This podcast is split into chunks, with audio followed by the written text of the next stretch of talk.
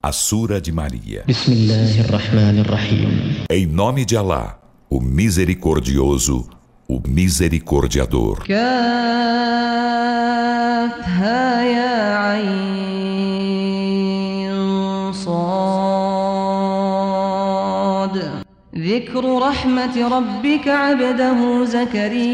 Kaf Ha Ya Ain Sad Este é o relato da misericórdia de teu Senhor para com seu servo Zacarias. إذ نادى ربه نداء خفيا Quando ele chamou por seu Senhor em secreto chamado, قال رب إني وهن العظم مني واشتعل الرأس شيبا ولم أكن بدعائك ولم أكن بدعائك رب شقيا disse: Senhor meu, por certo meus ossos fraquejam e minha cabeça flameja encanecida, e jamais fui infeliz, Senhor meu, na súplica a ti.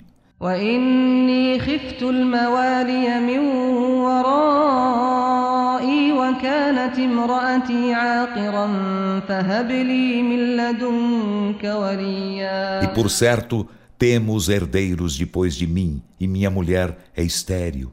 Então, dadiva-me de tua parte com o herdeiro.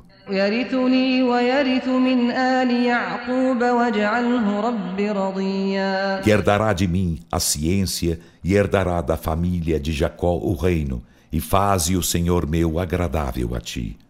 Ya Zacarias, إنا نبشرك بغلام اسمه يحيى لم نجعل له من قبل سميا Alá disse: Ó Zacarias, por certo, nós te alviçaremos um filho, cujo nome será Yahya, João, para quem antes não fizemos homônimo.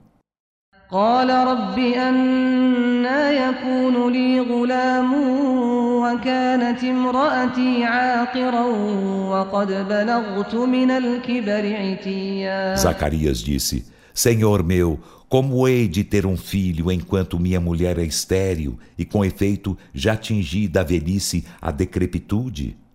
قال كذلك قال ربك هو علي هين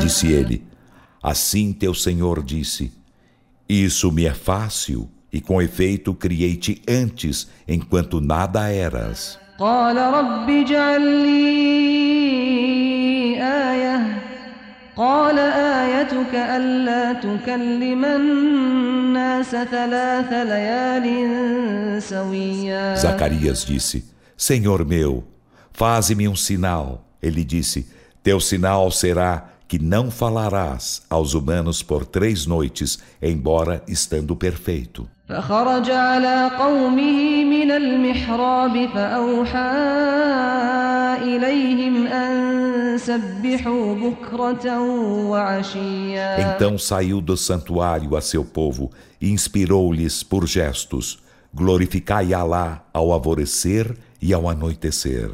يا يحيى خذ الكتاب بقوة وآتيناه الحكم صبيا Ó Yahya, tome o livro com firmeza e concedemos-lhe a sabedoria em sendo infante.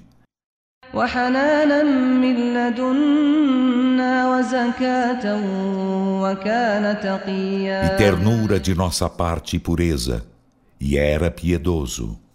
وبرا بوالديه ولم يكن جبارا عصيا E blandicioso para com seus pais, e não era tirano, desobediente. وسلام عليه يوم ولد ويوم يموت ويوم يبعث E حيا que a paz seja sobre ele no dia em que nasceu, e no dia em que morrer, e no dia em que for ressuscitado vivo.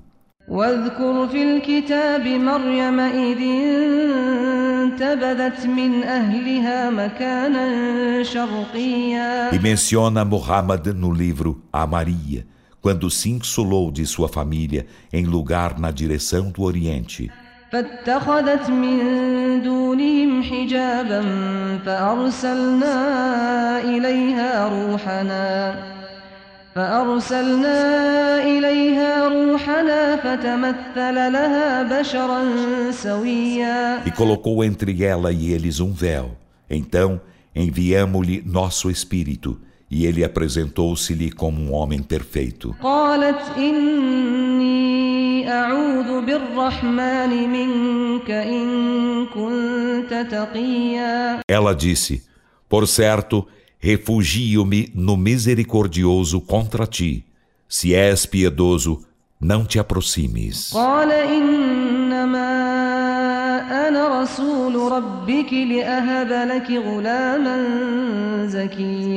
Ele disse: Sou apenas o mensageiro de teu Senhor para te dadivar com um filho puro. قالت أنا يكون لي غلام ولم يمسسني بشر ولم أك بغيا. Ela disse: Como hei de ter um filho enquanto nenhum homem me tocou e nunca fui mundana? قال كذلك قال ربك هو علي هين. ولنجعله آية للناس ورحمة منا. Ele disse: Assim teu Senhor disse: Isso me é fácil, e sê-lo-á para fazer dele um sinal para os homens e misericórdia de nossa parte. E foi uma ordem decretada. فحملته فانتبذت به مكانا قصيا Então ela o concebeu e insulou-se com ele em lugar longínquo. فأجاءها المخاض إلى جذع النخلة قالت يا ليتني مت قبل هذا وكنت نسيا منسيا E as dores do parto levaram-na a abrigar-se ao tronco da tamareira. Ela disse: Quem dera houvesse morrido antes disso e fosse insignificante objeto esquecido. فناداها من تحتها ألا تحزني قد جعل ربك تحتك سريا Então, abaixo dela, uma voz chamou-a: Não te entristeças. Com efeito, teu Senhor fez correr abaixo de ti um regato. وهزي إليك بجذع النخلة تساقط عليك رطبا جنيا E move em tua direção o tronco da tamareira. Ela fará cair sobre ti tâmaras maduras, frescas. فكلي واشربي وقري عينا فإما ترين من البشر أحدا فقولي فقولي إني نذرت للرحمن صوما فلن أكلم اليوم إنسيا Então come e bebe e refresca de alegria teus olhos. E se vês alguém dos mortais, dize: Por certo, fiz votos de silêncio ao misericordioso, e hoje não falarei a humano algum. فأتت به قومها تحمله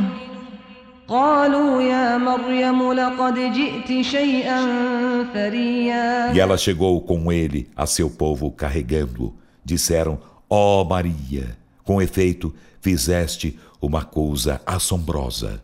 يا أخت هارون ما كان أبوك امرأ سوء وما كانت أمك بغيا Ó irmã de Arão, teu pai não era pessoa atreita ao mal, e tua mãe não era mundana. فأشارت إليه قالوا كيف نكلم من كان في المهد صبيا Então ela apontou para ele. Eles disseram: Como falaremos a quem está no berço em sendo infante? قال إني عبد الله آتاني الكتاب وجعلني O نبيا bebê disse: Por certo, sou o servo de Alá. Ele me concederá o livro e me fará profeta. وجعلني مباركا أينما كنت وأوصاني بالصلاة والزكاة ما دمت E حيا me fará abençoado onde quer que esteja, e me recomendará a oração e a zaká enquanto permanecer vivo.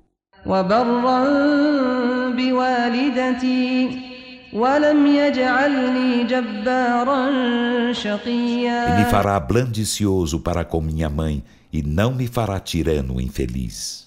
والسلام علي يوم ولدت ويوم أموت ويوم أبعث E que a حيا paz seja sobre mim no dia em que nasci, e no dia em que morrer, e no dia em que for ressuscitado vivo. ذلك عيسى ابن مريم قول الحق الذي فيه يمترون Esse é Jesus, filho de Maria. É o dito da verdade que eles contestam. ما كان لله أن يتخذ من ولد سبحانه إذا قضى أمرا فإنما يقول له كن فيكون Não é admissível que Alá tome para si um filho, glorificado seja, quando decreta algo, apenas diz-lhe, se, então é. وإن الله ربي وربكم فاعبدوه هذا صراط مستقيم E por certo, Alá é meu Senhor e vosso Senhor. Então, adorai-o. Esta é uma senda reta. فاختلف الأحزاب من بينهم فويل للذين كفروا من مشهد يوم عظيم Em seguida, os partidos discreparam entre eles. Então, ai dos que renegam a fé quando de sua presença em um terrível dia. أسمع بهم وأبصر يوم يأتوننا لكن الظالمون اليوم في ضلال مبين Quão bem ouvirão e quão bem verão um dia em que virão a nós. Mas os injustos hoje estão em evidente descaminho. وأنذرهم يوم الحسرة إذ قضي الأمر وهم في غفلة وهم لا يؤمنون E adverte-os, Muhammad, do dia da aflição, quando a ordem for encerrada, enquanto eles estão neste mundo em desatenção e enquanto não creem.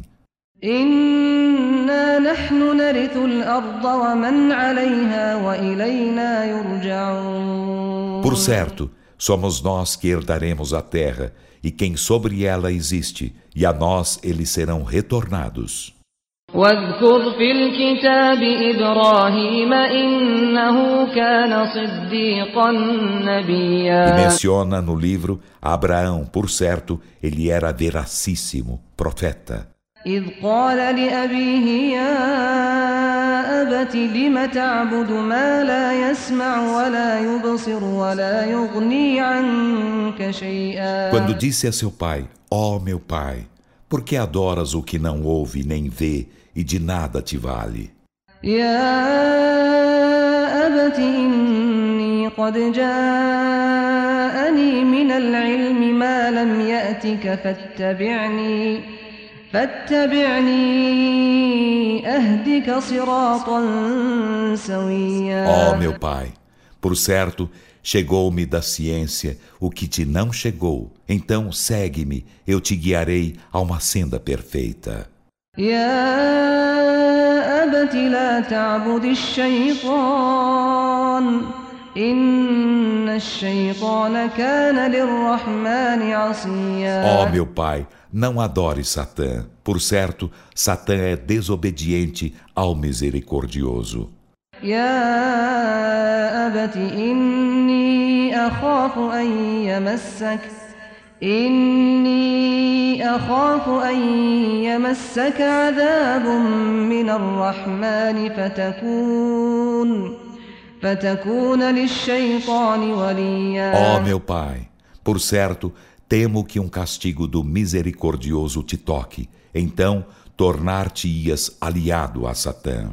قال أراغب أنت عن آلهتي يا إبراهيم لئن لم تنته لأرجمنك واهجرني Ele مليا disse: Está rejeitando meus deuses, ó Abraão.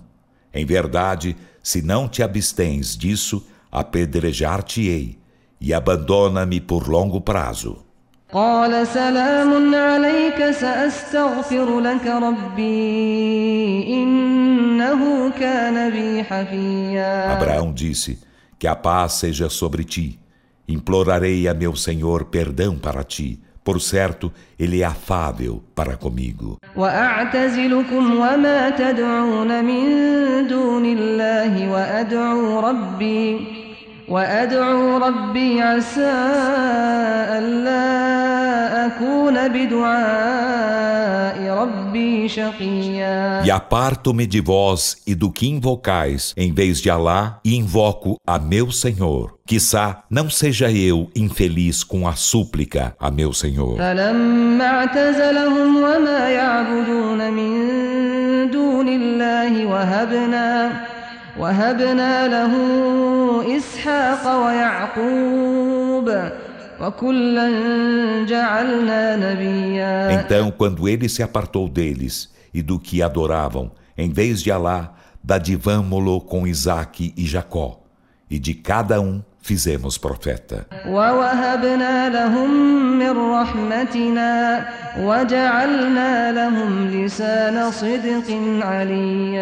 E dadivamo-los com algo de nossa misericórdia e fizemos-lhes língua verídica altíssima.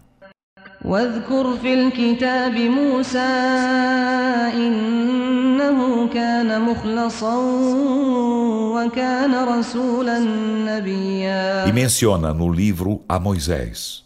Por certo, ele era predileto e era mensageiro, profeta. وناديناه من جانب الطور الأيمن وقربناه نجيا E chamamo-lo do lado direito do monte, e fizemo-lo aproximar-se de nós como confidente. ووهبنا له من رحمتنا أخاه هارون نبيا E de nossa misericórdia, dadivamo-lo com seu irmão Arão como profeta. واذكر في الكتاب إسماعيل إنه كان صادق الوعد وكان رسولا نبيا E menciona no livro a Ismael. Por certo, ele era verídico na promessa e era mensageiro, profeta. وكان يأمر أهله بالصلاة والزكاة وكان عند ربه مرضيا E ordenava à sua família a oração e as zakó, e era agradável junto de seu Senhor. واذكر في الكتاب إدريس إنه كان صديقا E نبيا menciona no livro a Idris. Por certo, ele era veracíssimo profeta. ورفعناه مكانا عليا E elevamo-lo a um lugar altíssimo. أولئك الذين أنعم الله عليهم من النبيين من ذرية آدم وممن حملنا مع نوح وممن حملنا مع نوح ومن ذرية إبراهيم وإسرائيل وممن وممن هدينا واجتبينا إذا تتلى عليهم آيات الرحمن إذا تتلى عليهم آيات الرحمن خروا سجدا وبكيا. Os que Alá agraciou dentre os profetas da descendência de Adão e dos que levamos na arca com Noé e da descendência de Abraão e Israel e dos que guiamos e elegemos, quando os versículos do misericordioso se recitavam para eles, caíam prosternados e chorosos.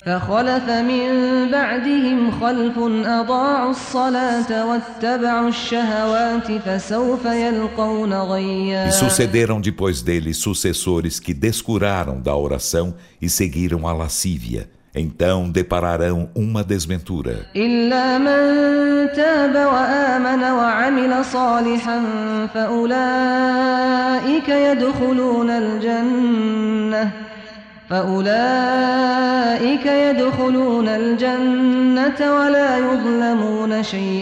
Exceto quem se voltar arrependido e crer e fizer o bem.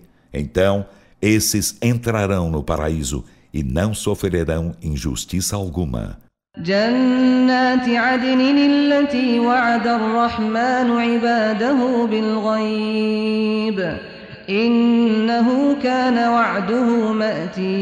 nos jardins do Éden, que o misericordioso prometeu a seus servos, que creram no invisível. Por certo, sua promessa se concretizará.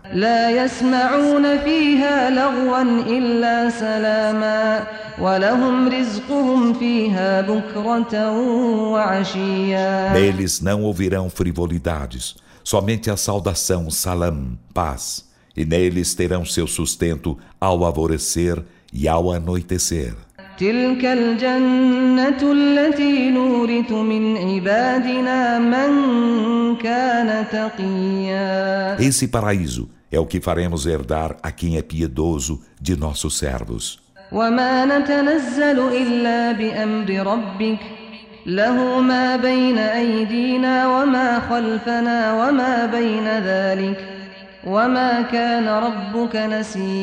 E não descemos senão por ordem de teu Senhor.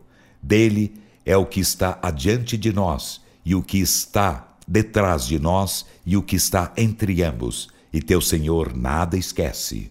رب السماوات والأرض وما بينهما فاعبده واصطبر لعبادته هل تعلم له سميا É o Senhor dos céus e da terra, e do que há entre ambos. Então, adora-o e pacienta em sua adoração. Acaso conheces-lhe algum homônimo?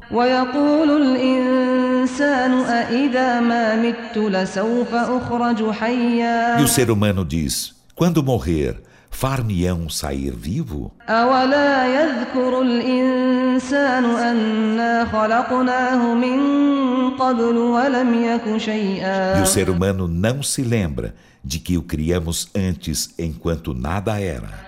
فوربك لنحشرنهم والشياطين ثم لنحضرنهم حول جهنم جثيا Então, por teu Senhor, reuni-los-emos e aos demônios. Em seguida, falos-emos estar presentes ao redor da jena, genuflexos.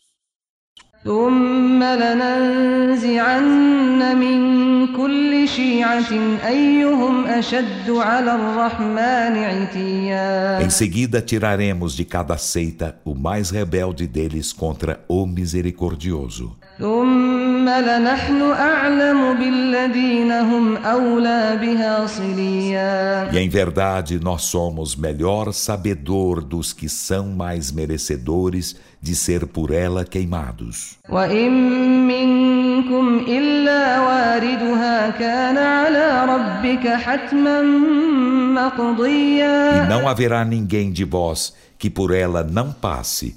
É determinação decretada que impende a teu Senhor. ثم ننجي الذين اتقوا ونذر الظالمين فيها جثيا Em seguida, salvaremos os que forem piedosos e deixaremos nela os injustos genuflexos. وإذا تتلى عليهم آياتنا بينات قال الذين كفروا للذين آمنوا قال الذين كفروا للذين آمنوا أي الفريقين خير مقاما وأحسن نديا E quando se recitam para eles nossos evidentes versículos, os que renegam a fé dizem aos que creem: Qual dos dois grupos tem a situação mais confortável e a mais bela companhia? وكم أهلكنا قبلهم من قرن هم أحسن أثاثا ورئيا E quantas gerações aniquilamos antes deles, as quais foram melhores em conforto e aspecto? قل من كان في الضلالة فليمدد له الرحمن مدا حتى إذا رأوا ما يوعدون إما العذاب وإما الساعة فسيعلمون من هو شر مكانا وأضعف جندا Dize Muhammad: A quem está em descaminho, que o misericordioso lhe estenda a vida por certo tempo, até que, quando virem o que lhes foi prometido, ou castigo, ou a hora, saibam então quem está em pior situação e é o mais fraco da tropa. ويزيد الله الذين اهتدوا هدى ويزيد الله الذين اهتدوا هدى والباقيات الصالحات خير عند ربك ثوابا خير عند ربك ثوابا وخير مردا E Allah acresce orientação aos que seguiam. E as boas obras duradouras são junto de teu Senhor, melhores em retribuição e melhores em destino.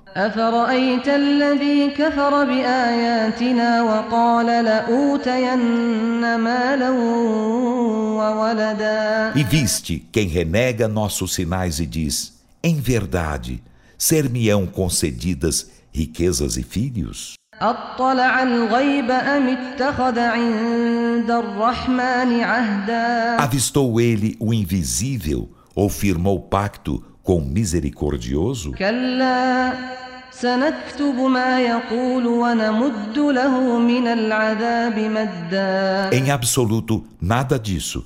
Escreveremos o que ele diz e estender-lhe-emos o castigo intensamente. E herdar-lhe-emos o que diz possuir, e a nós virá sozinho.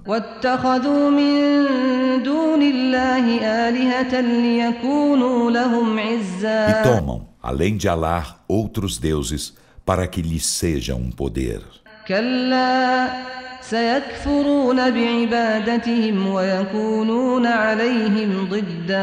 Em absoluto não o serão. Renegarão sua adoração e serão deles antagonistas.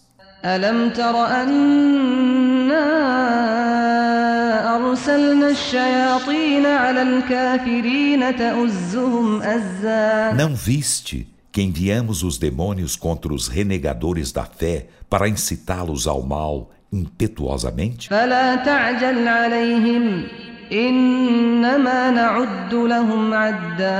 Então, não lhes apresses o castigo, apenas contamos-lhes todos os seus atos precisamente.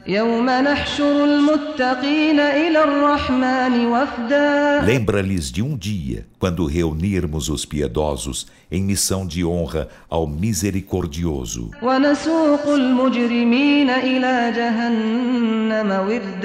E impulsionarmos os criminosos para a Jena como rebanhos sequiosos.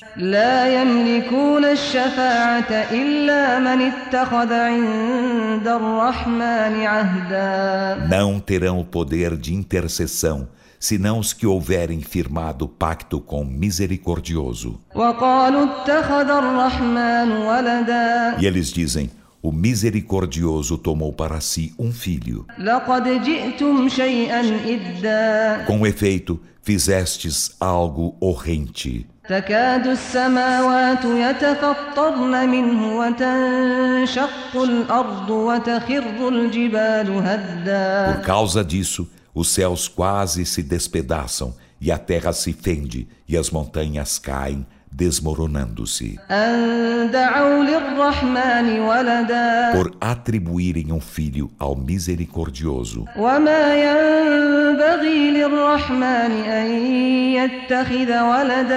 Não é concebível que o misericordioso tome para si um filho.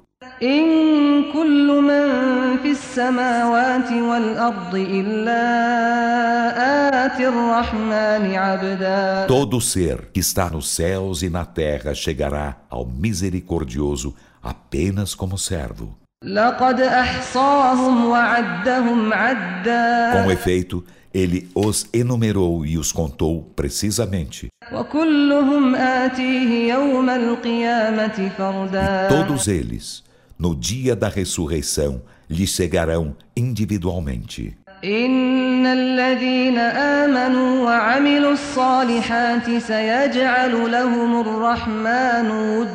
Por certo, aos que creem e fazem as boas obras. O misericordioso fala os a ter afeição mútua.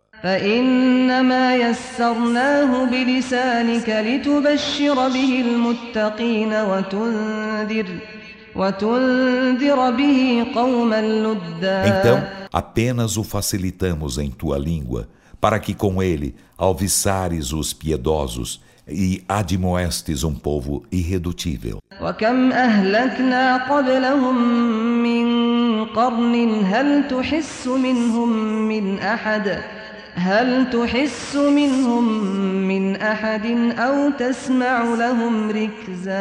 E quantas gerações aniquilamos antes deles? Sentes a alguém delas? Ou lhes ouves algum murmúrio?